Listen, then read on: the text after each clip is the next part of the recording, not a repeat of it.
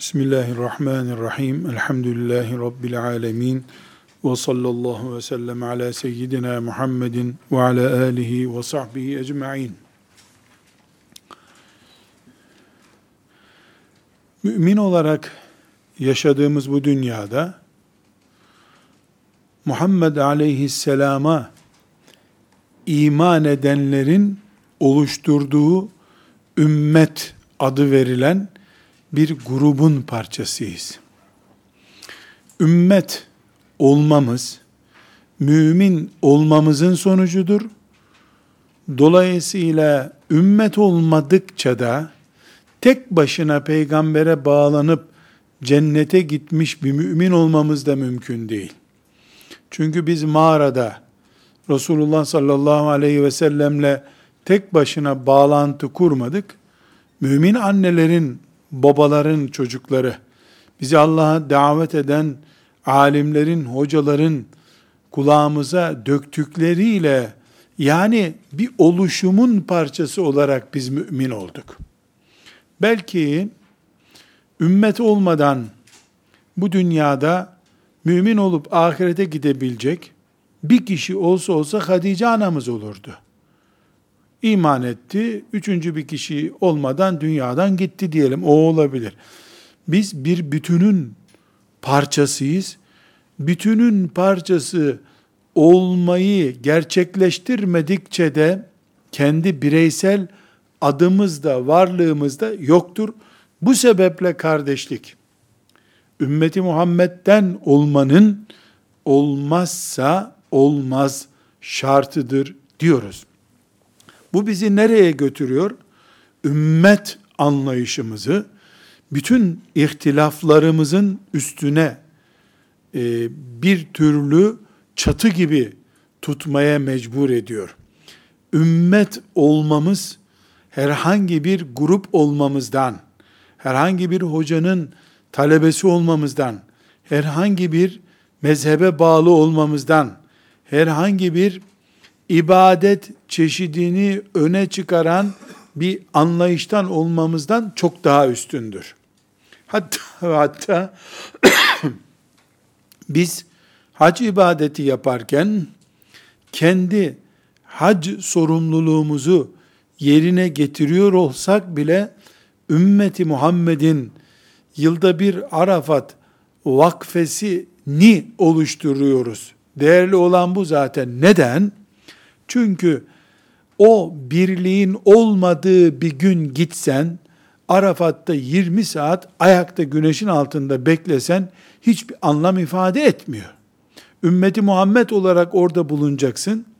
Aynı gün bulunacaksın, aynı saatte bulunacaksın. Ümmet olarak vakfe yaptığımız zaman Allahü Teala hac ibadetine değer veriyor.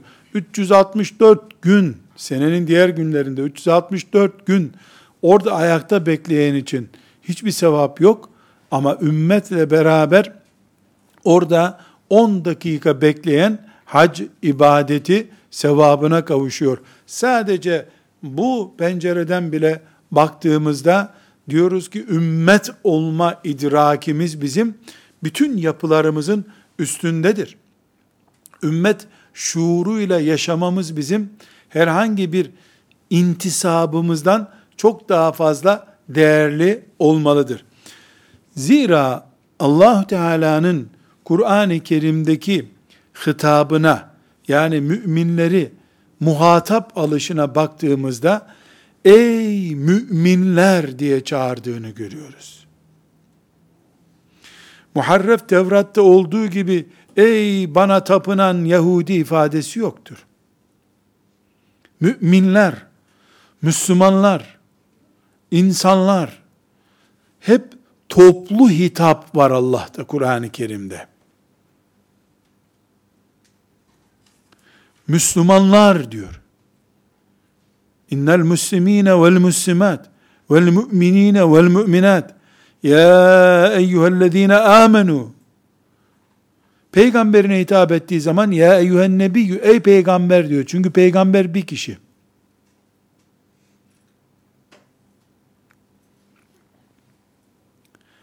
İbadi diyor. Kullarım diyor. Allah anarken bireysel anmıyor. Peygamberi hariç.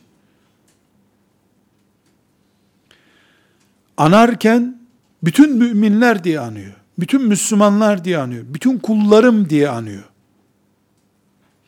Allah muhatap olarak müminler görmek istiyor. Ümmet dediğimiz şey. Herhangi bir mümin o bütün müminler benim diyemez ki. İçlerinden çıkıp bir parça olarak ben bütünü temsil ediyorum diyemez hiçbir mümin. Bunu nereye oturtacağız? Eğer Allahu Teala'nın çoğul ifadesini kullandığı bir ümmet olarak Kur'an'ında biz bireyselleşirsek ya da bir buçuk milyar la ilahe illallah diyen insanın içinde 20 kişilik bir grup olarak o bir buçuk milyar yok biz varız mı diyeceğiz.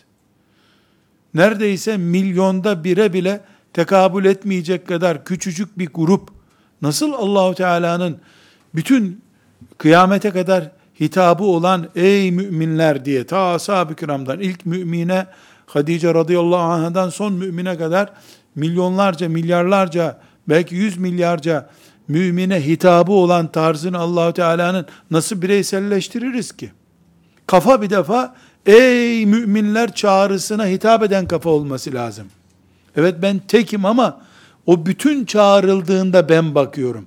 Hiçbir zaman kıyamete kadar benim adımla çağırmayacak Allah. Sen diye de hiçbir kuluna hitap etmeyecek. Etmedi.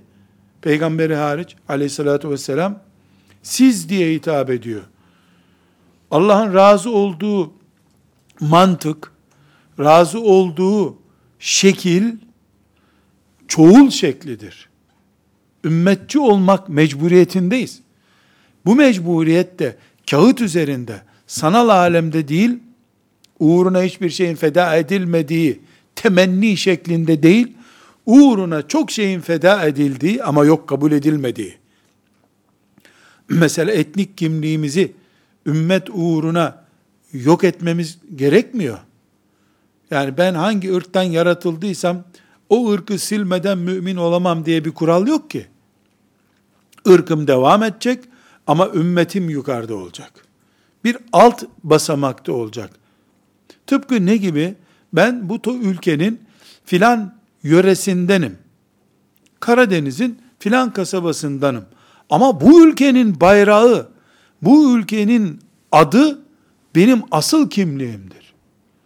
Aşağı inildiğinde filan vilayettenim diyorum, biraz daha inildiğinde filan kasabadanım, biraz daha inildiğinde filan köydenim diyorum. Ümmet de böyle. Etnik kimliğimizi yok etmemizi emretmiyor Allahu Teala. Efendimiz sallallahu aleyhi ve sellem en büyük mümin, Ebu Bekir radıyallahu anh müminlerin en iyisi, Arap'tı, Kureyş'ti. Arap'ın içinden de Kureyş'ti. Kureyş'ten de filanca kabiledendi. Herhangi bir şekilde isim tasihine gitmek gerekmiyor ama isimlerin konduğu yerlerin düzeltilmesi gerekiyor. En üstte ümmet olacak. Ümmetin altında etnik kimliğim olur. Onun altında yaşadığım semt olur. Onun altında benim aile reisliğim de olur.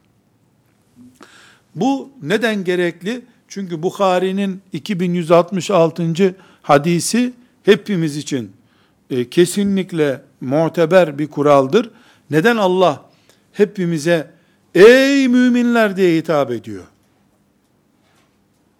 Öyle hikayelere kanmaya gerek yok. Hani teheccüde namaz kılıyormuş da şöyle bir dalı vermiş. Dalı verince ey kulum sen iki saattir huzurumdasın diye hitap etmiş. Bu menkibelerde olur, menkibelerde. Kur'an'da innemel müminun var. Ya eyyühellezine amenu var. Ya eyyühen nas var. Öyle bireysel menkıbeler rüyalarda görülür öbürü. Ayette görülmüyor ama. Ayette bireysellik yok, ümmet var. Bu bizi hangi sonuca götürüyor? Bukhari'nin rivayet ettiği hadise götürüyor. Yedullahi ma'al cema'a. Allah'ın yardımı topluluğun üstündedir. Bireyselleştikçe mesela bir buçuk milyarın üstünde Allah'ın yardımı.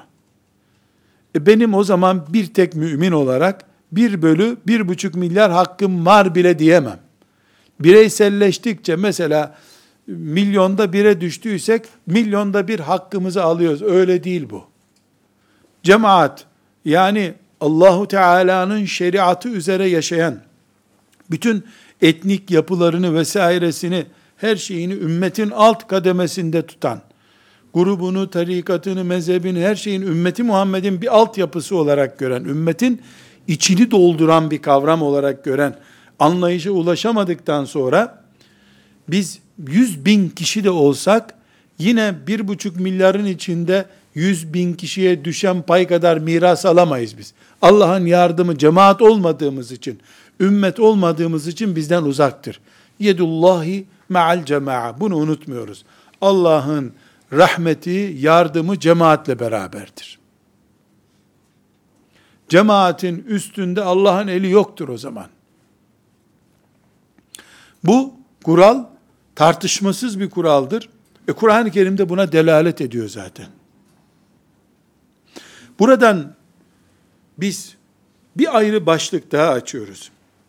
Eğer gerçekten İslam devleti gibi, eğer gerçekten halifelik gibi, eğer gerçekten hac ibadeti gibi ancak bir liderle yapılabilen ibadetler hakkıyla gerçekleşsin, cihat gibi bir ibadet gerçekten gerçek gerçekleşsin, ortaya çıksın diye samimi bir düşüncemiz varsa bizim, bu samimi fedakarlık, bu samimiyet fedakarlık gerektiren bir istek oluşturuyor.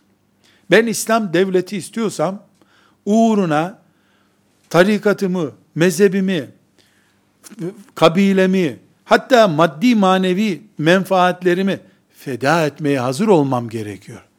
Buna biz tabelalarımızı vermemiz gereken zamandayız diyoruz.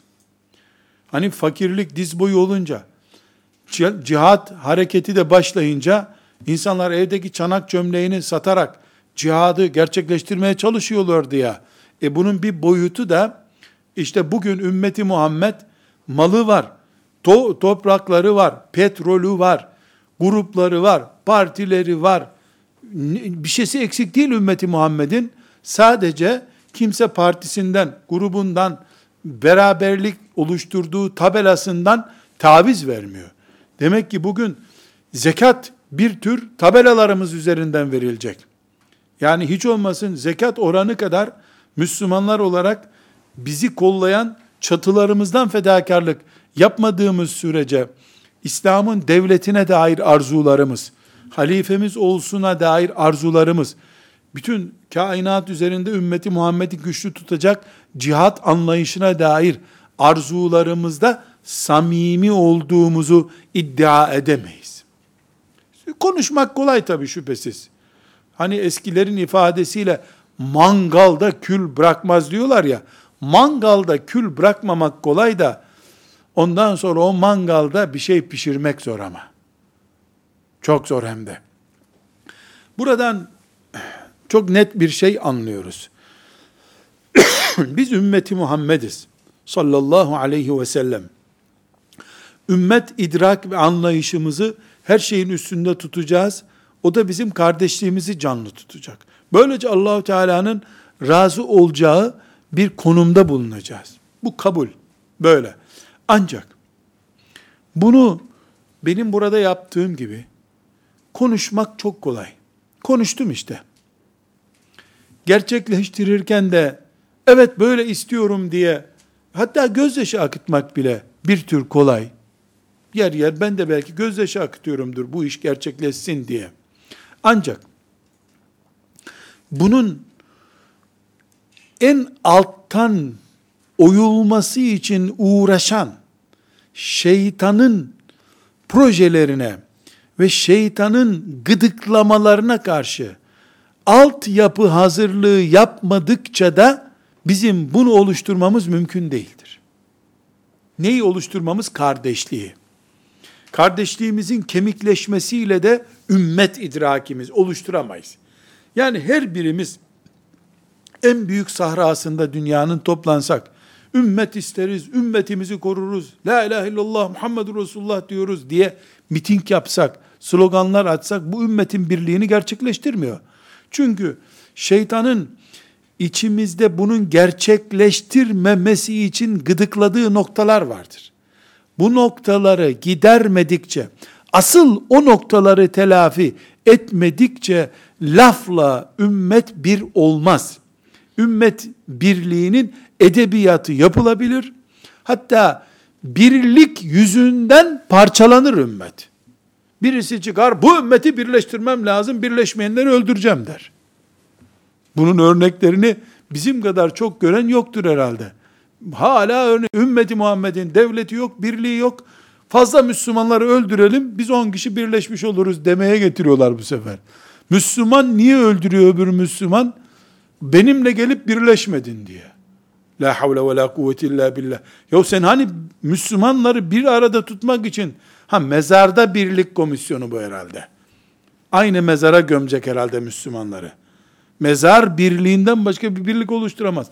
Dolayısıyla bugün bizim Kur'an'ımız ve Resulullah sallallahu aleyhi ve sellem Efendimizin sünneti önümüzde kaynak bize gösterdiği en riskli şeytan açın gıdıklama oluşturan, mikrobik bir bölge oluşturan e, hassas noktalarımızı tespit etmemiz lazım. Burada bir hadisi şerifi şimdi örnek zikredeceğim. Birkaç hadis-i şerif ve ayet zikredeceğim. Ama gelmek istediğim nokta şudur. Ben birlik olalım kardeşler.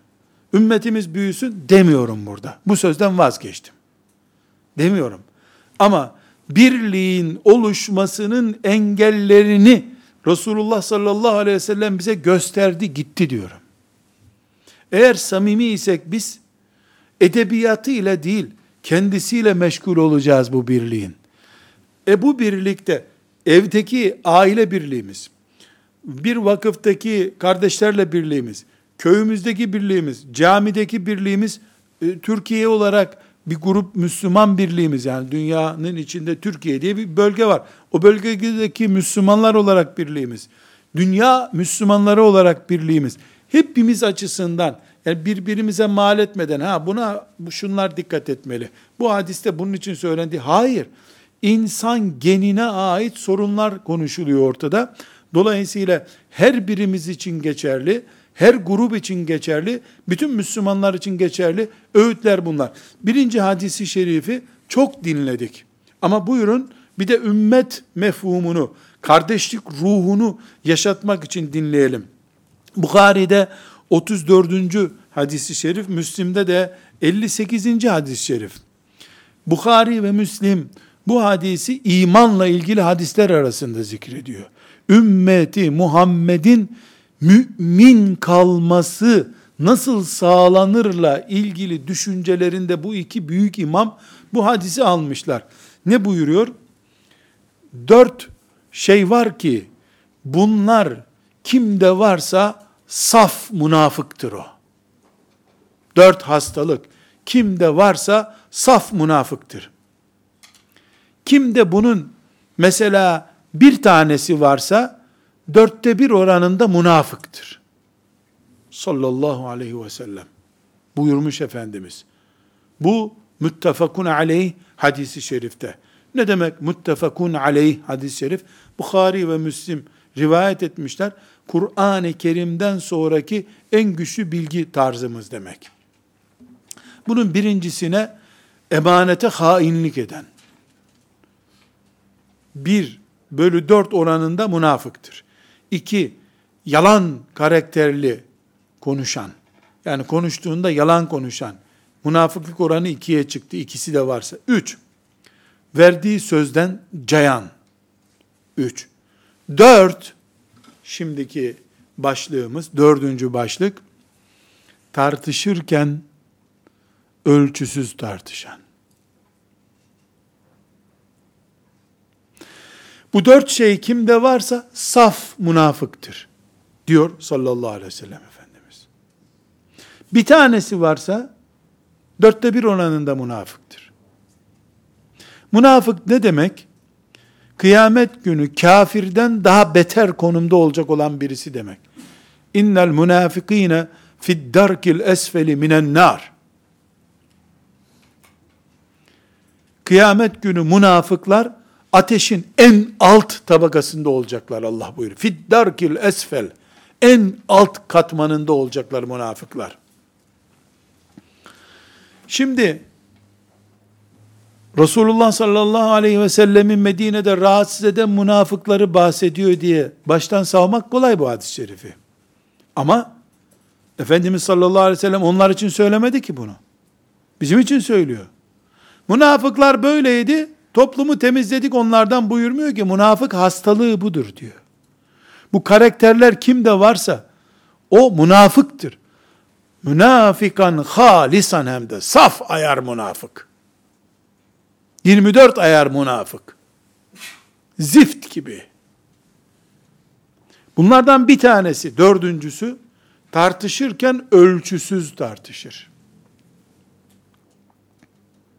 Ölçüsüz tartışmak ne demek? Tartışmak münafıklık alameti değil ama. Çünkü insansın, hakkını arayacaksın, insansın, e, zulme uğramayacaksın, insansın, boğazına kadar getirdiler lafı, cevap vermen gerekir. Bu insanlık karakteri gereği, bunda bir sıkıntı yok. Ama sana tokat atana mermi atıyorsun. Sana bir laf söyleyene bir kitap dolusu laf söylüyorsun. Adam mesela öğle namazının sünnetlerini kılmadı, tembellik yaptı. Namazsız, hain, dininin direği yok diyorsun. Adam dedi ki ben İmam-ı Azam'ın sözüne güvenmiyorum. İmam Şafi daha iyidir. Ümmeti Muhammed'i yok sayan hain diyorsun. Orantısız tenkitlerin var. Peygamber sallallahu aleyhi ve sellemin münafıklara söylemediği sözü sen bir mümine söylüyorsun. Bir kere hanımın ağzından kaçırdı. Senden daha yakışıklısı var bu dünyanın be. Ne abartıyorsun yakışıklığını dedi. Ya da hanımına kocası dedi. Aman Allah'ım. Ondan sonra gelsin Birleşmiş Milletler'in çözüm komisyonu. Bu söz nasıl dendi? Bu bir namus davasına döndü. Orantısız, abartılı, bitmez tükenmez tartışmalar münafıklık işareti. Münafıkların yoğunlaştığı bir toplum, kardeşliğin kalktığı toplumdur. Bir tartışmayla münafıklık damgası yenir mi? Elbette yenmez. Bir tartışmayla münafık olmaz insan. Ama bir tartışmayla bir mümin kaybedilebilir. Bir mümin küstürülebilir. Bir tek tartışma, tek bir söz iki kardeşi senelerce birbirine selam vermez hale getirebilir. Bizim derdimiz, toplumumuz, ümmet kimliğimiz, mümin kardeşliğimiz canlı dursun derdi olmalıdır.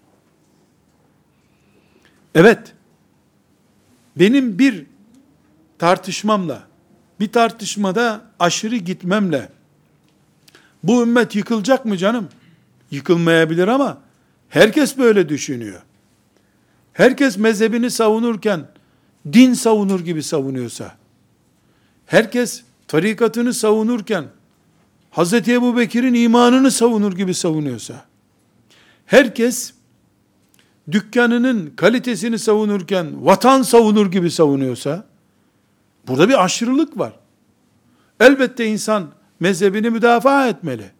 Elbette bir tarikata müntesipsen onu müdafaa etmelisin. Yoksa niye enayice duracaksın ki orada? Ama o dinden yukarı olmamalı.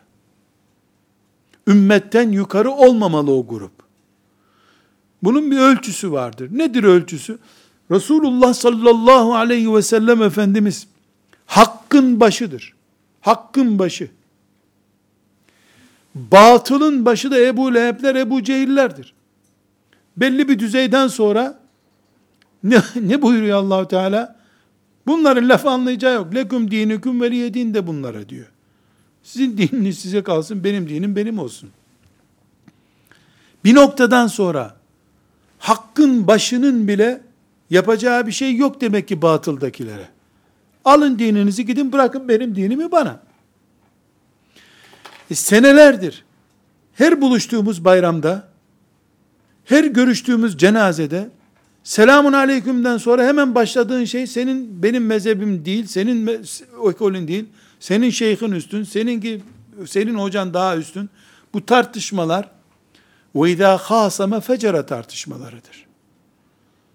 Aşırı giden, orantısız tartışılan, söylenmeyecek çapta ağır söylenen sözler neticede kardeşliği zedeliyor. Bu zedelenmiş kardeşliklerden parçalanmış ümmet çıkıyor sonunda. Dolayısıyla bugün ümmeti Muhammed aleyhissalatu vesselam zor günler yaşıyorsa, kritik günler geçiriyorsa, bir arada değilse, bu elbette en önce siyasilerin sorunudur. 200 seneden beri bu ümmeti idare edenlerin sorunudur. Ama ulemanın da sorunudur. Hangi kalitede tuttular Müslümanların idrakini? Avam dediğimiz halk tabakasının da sorunudur. Neden? Din savunur gibi kendi idrakini savunmuşsa çatlama nedeni olmuştur. Kimin ne kadar mesul olduğunu Allah bilir. Hesabı da o soracak zaten. Ama biz televizyondaki açık bir görüşmede, tartışmada iki hocanın günlerce süren, senelerce devam eden tartışmasında hatta iki arkadaşın mesela işte buradan Erzurum'a gezmeye gidiyorlar. 20 saat otobüse bindiklerinde başladı. Seferi miyiz İzmit'te değil miyiz?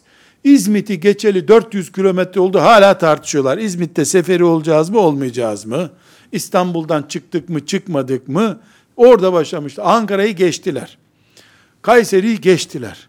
Horasan'a geldiler. Hala seferi miyiz İzmit'te değil miyiz tartışıyorlar. Ve idâ khâsame fecere. Tartışırken ölçüyü kaçırdılar. Aslında sen ne yaptın? Alim değilsin. Vereceğiniz karar dine bir ilave olmayacak. Sen Resulullah sallallahu aleyhi ve sellemin bir sünnetini, Kur'an-ı Kerim'in namazı kısa kılın, seferilikte kısa kılın emrini kendi zihninde ve arkadaşının zihninde sulandırdın. Güya sen olmaz canım İzmit'te kısa olmaz en az ada pazarına kadar gideceğiz diyerek güya dört rekat kılmayı böyle ciddi hale getirdin ya öyle tavizci Müslüman olmadın zannediyorsun. Aslında ne sen daha fazla bir miligram ilave aldın ne o bir miligram kendi düşüncesinden taviz verdi olan namazı oldu. Onun yerine hiç konuşmasanız da kim sen ne düşünüyordun? Seferi olunmaz. Ya dört rekat kıl. O da olunur diyor. O da iki rekat kılsın. Namazı inkar değil ya bu neticede. Onun yerine oturup da üç defa Subhanallah deseydiniz yerle gök arasını dolduracak kadar büyük bir tesbih zikri yakalayacaktınız. Ama ve izâ khâsame fecereden girdiğini yani tartışırken İstanbul, İzmit'te başlamış tartışmayı Erzurum, Horasan'a kadar götürdüğünüzde sadece ve sadece iblisi güldürdün sen ya. İblisi güldürdün ya. Meleklerse üzüldüler buna. Halbuki sen de biliyorsun, o da biliyor ki kısaltsan da olur, kısaltmasan da olur. Hangisi daha değerli olacak? Aslında tartıştığın namaz iki rekat mı kılınsın, dört rekat mı kılınsın değil. Nefsinin gücünü ve onun nefsinin ezilmesini tartıştınız siz orasana kadar. Nefisler savaşı yapıldı burada. Biz ne zannediyorsun ya? Biz biz de az çok bu dinden anlarız. Felsefesi yaptın. Şuur altında. Şüphesiz sen bunu bilmiyordun veya kasten yapmadın. Zaten tek umudumuz da o. Kasten yapmadığımız için Rabbimizin mağfiretine e, herhangi bir şekilde dahil oluruz diye umuyoruz. Kasten yapsa insan cinayetten yargılanması gerekiyor. Din din baltalıyorsun ya. Önündekiler müzik dinliyor, arkandakiler gıybet ediyor. Sen ortada dini tartışıyorsun aklınca. Bunun bir de televizyon ekranında yapıldığını düşün. Bir de hocaların internetten birbirlerine cevap verdiklerini düşün. Ya yiyeceksen başka bir şeye dini ne yiyorsun? Ümmeti Muhammed'in kendi dinini parçaladığı günleri görmek Çok çok üzücü, çok ağlatıcı kardeşler. İkinci hadisi şerifimiz Müslim'de 96. hadisi şerif Üsame bin Zeyd radıyallahu anh'ın başına gelen sıkıntıyı biliyorsunuz. Sallallahu aleyhi ve sellem Efendimiz onu bir gazveye göndermişti. E, belli ki Resulullah sallallahu aleyhi ve sellemin son senelerine ait bir hatıra bu. Çünkü çok gençti. O da birisini öldürme, bir kafiri öldürme pozisyonundayken adam la ilahe illallah, la ilahe illallah diyorum demiş. Hadi la zamanı mıydı deyip vurmuş adamı öldürmüş. Yani bu adam oynuyor bizimle düşünmüş. Sonra da gelip meseleyi Resulullah sallallahu aleyhi ve selleme aktarılmışlar veya o aktarmış. Efendimiz sallallahu aleyhi ve sellem pozisyonu dinleyince yahu ne diyorsun gerçekten e, adam canını kurtarmak için mi yaptı böyle filan sormayıp tek bir kelime sormuş. Efela şakakte an kalbihi sen açıp göğsüne mi bakmıştın? Baksaydın ya göğsüne. Üsame ne yapacaksın kıyamet günü? La ilahe illallah'ı ne yapacaksın? Nereye koyacaksın demiş. Üsame radıyallahu an bunu birkaç kere tekrar edince diyor ki o zaman aklımdan geçti ki Allah'ım keşke ölseydim de bana bu cümleler söylenmeseydi diyor. Çok üzülmüş bundan. Ama üzülmeyecek gibi de değil. Sallallahu aleyhi ve sellem Efendimiz ciddi bir şekilde tehdit etmiş onu. Kıyamet günü ne yapacaksın o adamla demiş. Ne yapacaksın Hüsame? Şimdi burada bu bizim ümmetliğimizle ne ilgisi var? Biz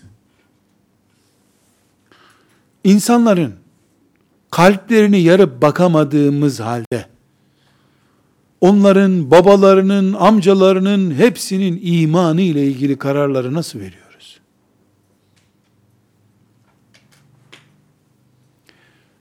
Mu'tezile mezhebi zamanında yaşayanlar ve Mu'tezile'nin kırbaçladığı alimler kafirdir bunlar demediler. Biz şimdi nasıl kalkıp diyoruz? Deriz. Kalbini yarmadığımız eşimizin, oğlumuzun, babamızın imanı ile ilgili nasıl konuşuruz? Üsame radıyallahu anh bir sahabi. Bu olaydan çok değil iki sene sonra Resulullah sallallahu aleyhi ve sellem Efendimiz eline İslam ordusunun sancağını verdi. Sıradan bir sahabe değil. Gözleri Allah bilir ya şu dünyadaki en büyük radardan daha fazla gören bir gözdü. Mümin basiretli olur, firasetli olur sözü onda geçerliydi. Allah bilir ya. Resulullah sallallahu aleyhi ve sellem de biliyordu ki o adam bunu canını kurtarmak için söyledi. Ya Üsame'nin bu konuda kastı olmayacağı belli bir şey. O yüzden de Efendimiz sallallahu aleyhi ve sellem ona katil muamelesi yapmadı zaten. Ve zaten iki sene sonra ümmeti Muhammed'in en büyük ordusunun başındaki kumandan yapmaz bir katili sallallahu aleyhi ve sellem Efendimiz. Demek ki Efendimiz sallallahu aleyhi ve sellem böyle büyük bir kınamaya rağmen onu defterinden silmedi. Ümmetini ona teslim etti vefat ederken. Ya bunun bir şaka tarafı yok kardeşler. Şu söze bak, kalbini mi yardın Üsame? Ne yapacaksın kıyamet günü o adamla sen? La ilahe illallah karşına gelecek kıyamet günü ne yapacaksın? Dediği adam, beş sene geçmeden ordu başkumandan oldu Resulullah sallallahu aleyhi ve sellemin elinden sancak aldı.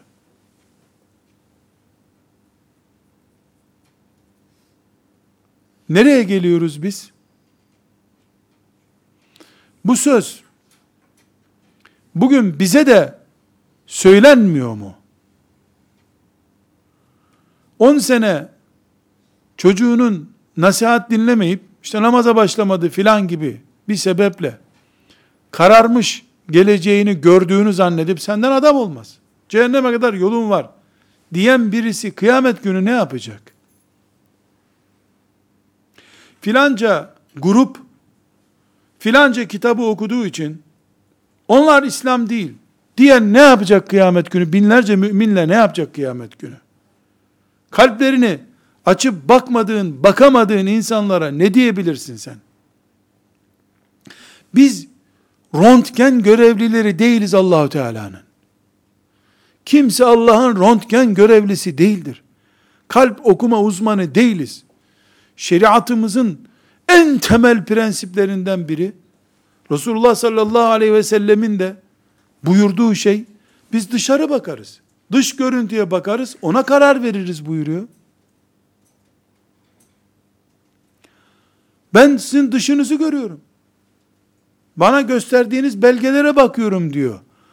Arş görmüş Peygamber sallallahu aleyhi ve sellem.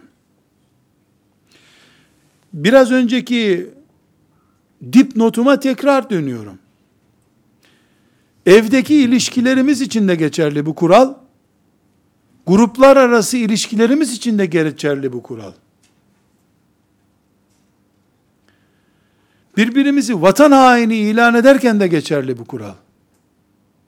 Kimin kalbini kim okudu? Ancak zahiri suçlar ve itiraf edilmiş imansızlıklar, hıyanetler bu damgayı yiyebilir. Evet, bu sözümle kastım mesela meleklere inanmamaktır. Kadere inanmamaktır. Diyorsa adam başka şey, senin onun bir cümlesini yakalayıp, o cümleyi laboratuvara götürüp, laboratuvarda bunun içinde kolesterol seziyorum demen başka şey. İnsanların kalplerini okumak Allah'ın işidir. Biz görüntü yakalayabiliriz. Kalp okuyamayız. Peki bu ayrıntıya ya da bu Müslim'in hadisine neden temas ettik? Şundan dolayı. Bugün Müslümanlar olarak bin kere takla da bir adam, bin kere mescitte sabah namazına ilk cemaate gelen o bile olsa, filan gruptan ise eğer onun kalbinin kararmış olduğunu anlıyoruz biz. Ömer bin Hattab radıyallahu anh kendisini öldürecek adamla iki gün önce görüştü anlayamadı onu. Mescitte arkasında saf tutan münafığı göremedi Ömer.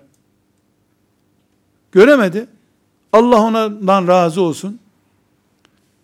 Ve sonunda kendisi Resulullah sallallahu aleyhi ve sellem mihrabında şehit oldu. Ama biz 40 kere hacca da gitse adam kalbini okuruz ha. Bu var ya bu bir defa bunun ekolünde berbatlık var deriz. Bu işte kıyamet günü pek çoğumuzun ibadetlerinin başkasına icara gitmesine neden olacak.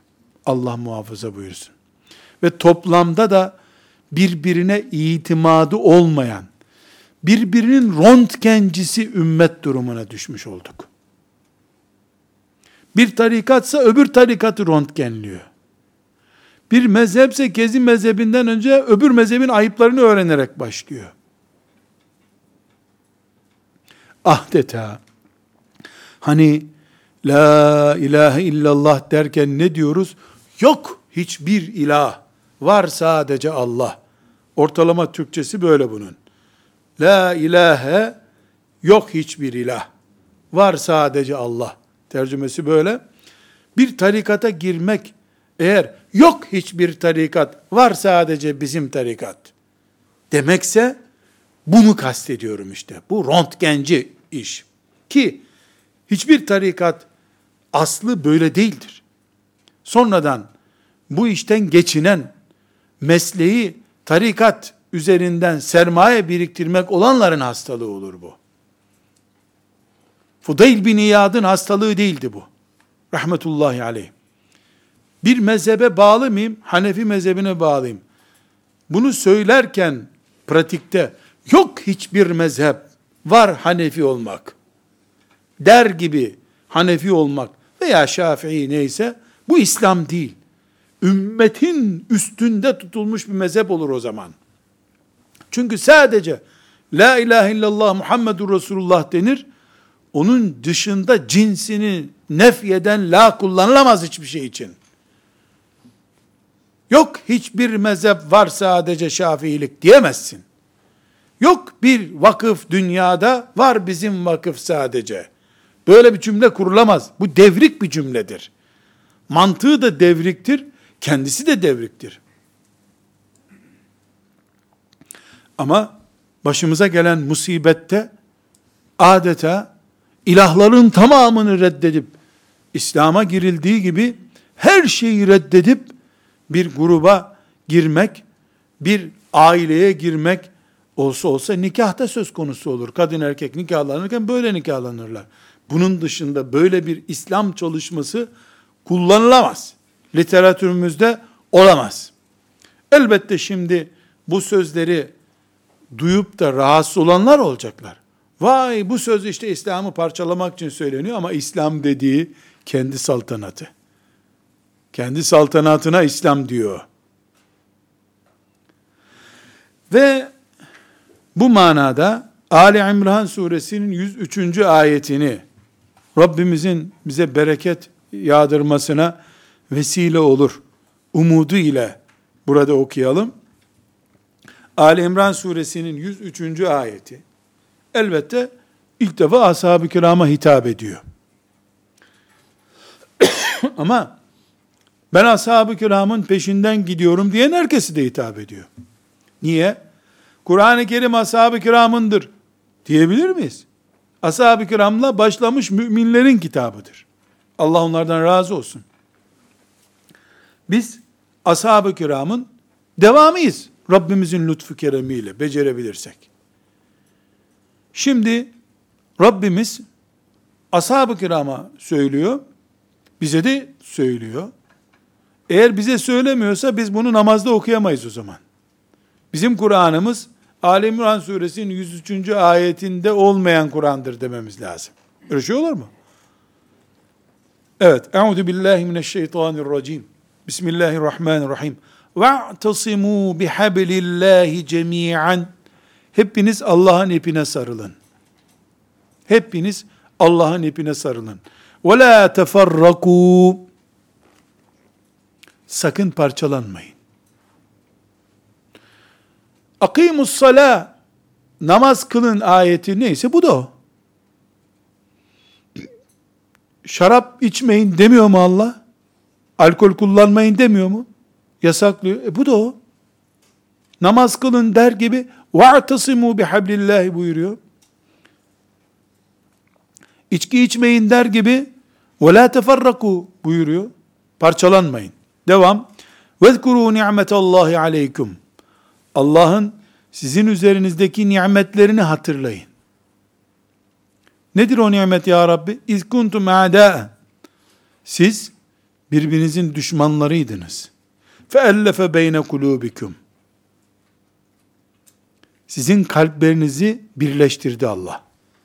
Birbirinize ısındınız. Fe asbahtum bi ni'metihi ihvana. Allah'ın bu nimeti sayesinde kardeşler oldunuz. Şimdi nankörlük etmeyin bu kardeşliğe yani. Bu Araplar Evs ve Hazreç kabilesi Kureyş kendi aralarında savaşı vardı da bu onu anlatıyor. E şamanist Türkler ne yapıyordu birbirini? Bir akşam kabileyi basıp toptan imha ediyorlardı. Kadınlarını kaçırıyorlardı. İran'daki e, Pers İmparatorluğu'nun köleleri ne yapıyorlardı? Birbirini yiyorlardı. Bütün dünya birbirini yiyordu. İnsan mükerremdir. Bu mümin olunca senin kardeşindir. Allah buyurduğu için kardeş oldu insanlar. Sadece Araplarla ilgili değil ki bu. Ve kuntum ala şefa hufratin minen nar. Siz bir ateşin kenarında dönüp duruyordunuz. Yani az kalsın ateşe düşüyordunuz. Fenkadakum minha. Sizi Allah kurtardı. Kezalike yubeyyinullahu lekum ayatihi. Leallekum tehtedun. Siz belki hidayet bulur, aklınızı başınıza alırsınız diye Allah size ayetlerini böylece açıklıyor. Anlarsanız kurtulursunuz. Peki 103. ayeti Ali İmran suresinin bize ne anlattı şimdi? Şunu anlattı. Allah size İslam'ı nasip ettiği gibi İslam sayesinde kardeşliği de nasip etti. Nasıl İslam'dan irtidad edip giderseniz Allah'ın nimetine nankörlük etmiş olacaksınız. İslam sayesinde elde ettiğiniz kardeşliğin kıymetini bilmez parçalarsanız o sebeple de yine Allah'ın nimetine nankörlük etmiş olacaksınız. Dolayısıyla ümmeti Muhammed'in topraklarında yetişen buğdaydan elde edilen ekmeği çöpe atmayı israf ve nimete nankörlük ve aşırılık kabul eden insanlar Allahu Teala'nın ekmekten daha değerli nimeti olan kardeşliği ve İslam'ı bize lütfetmesine karşı nankörce davrandıklarında daha büyük bir suçu işlemektedirler. Kendi kendimize nimet kategorileri yapamayız. Buna Allah bizzat bu ihvan, kardeşler olmamızı nimet olarak vezkuru nimetallahi aleykum. Allah'ın nimetini hatırlayın buyuruyor. İftar sofrasında aman aman gençler aman aman israf olmasın. Ha, aman aman ha, ha Hristiyanlar gibi çöpe atmayın ekmekleri. O kırıntıyı al yavrum. Hatta hatta Sofranın bereketi o kırıntılardadır. Kırıntı kaçırma, kırıntı kaçırma. Aman aman aman. Öbür taraftan bu sofrada büyük hoca efendi var diye gençlerin çoğunu arkadaki depodaki sofraya oturtmuştun. Hani iman kardeşliği. Sofradaki kırıntıları toplatıyorsun. Gençleri kırıntıya çevirdin ama. İşçiler, o oraya o vakfa yardım etme kabiliyeti olmayanlar filan hep öbür sofraya oturdular. Aristokratlar sofrasıydı burası. Ekmek israf edildi. Allah! Sen kalp, kalp krizi geçiriyordun az kalsın. Ekmek israf ediliyor ha. Kırıntısı hem de kendisi değil. Mümin kardeşliğimiz de israf edildi. Çarçur edildi burada. Resmen kardeşliğimiz çarçur ediliyor bizim. Ekmek Allah'ın nimeti de. Bu فَاصْبَحْتُمْ بِنِعْمَتِهِ اِخْوَانًا Allah'ın nimeti sayesinde kardeş olduğunuz ayeti hiç israf edilebilir bir nimet mi? Geldiğimiz nokta şu. Rabbimiz bize kardeşliğimizi, bak bu kardeşler bütünü olarak oluşturduğumuz ümmetliğimizi bir nimet olarak emanet ettiğini söylüyor. Sağlığımız gibi. Emniyet ve güven içinde yaşama imkanımız gibi, Allah'ın ekmek nimetine de ihtiramımız olacak, kardeşlik nimetine de. 20 gram ekmeğe 20 gramlık saygımız olacak, Allah dediğimiz için bir arada olma mantığımızdan kaynaklanan kardeşliğimizde de o çapta saygımız ve hürmetimiz olacak. Eğer biz müminler olarak kendi elimizde Allah'ın nimetlerini israf edersek, iblise hiç emek harcamadan, gel bizi topla götür demiş oluruz. Maazallah. Burada bu zikrettiğim iki hadisi şerif ve Ali İmran suresinin 103. ayetinden üç örneği şu amaçla vermiş oldum. İslam birliği Müslümanların birliği, o birliği engelleyen hastalıkların giderilmesiyle gerçekleşir. Edebiyatla gerçekleşmez. Propaganda ile gerçekleşmez. Tam aksine bunun propagandası yapıldıkça yara depreştirilmiş olur. Olumsuz sonuç verir. Bu örneklere Devam edeceğiz inşallah. Velhamdülillahi Rabbil Alemin.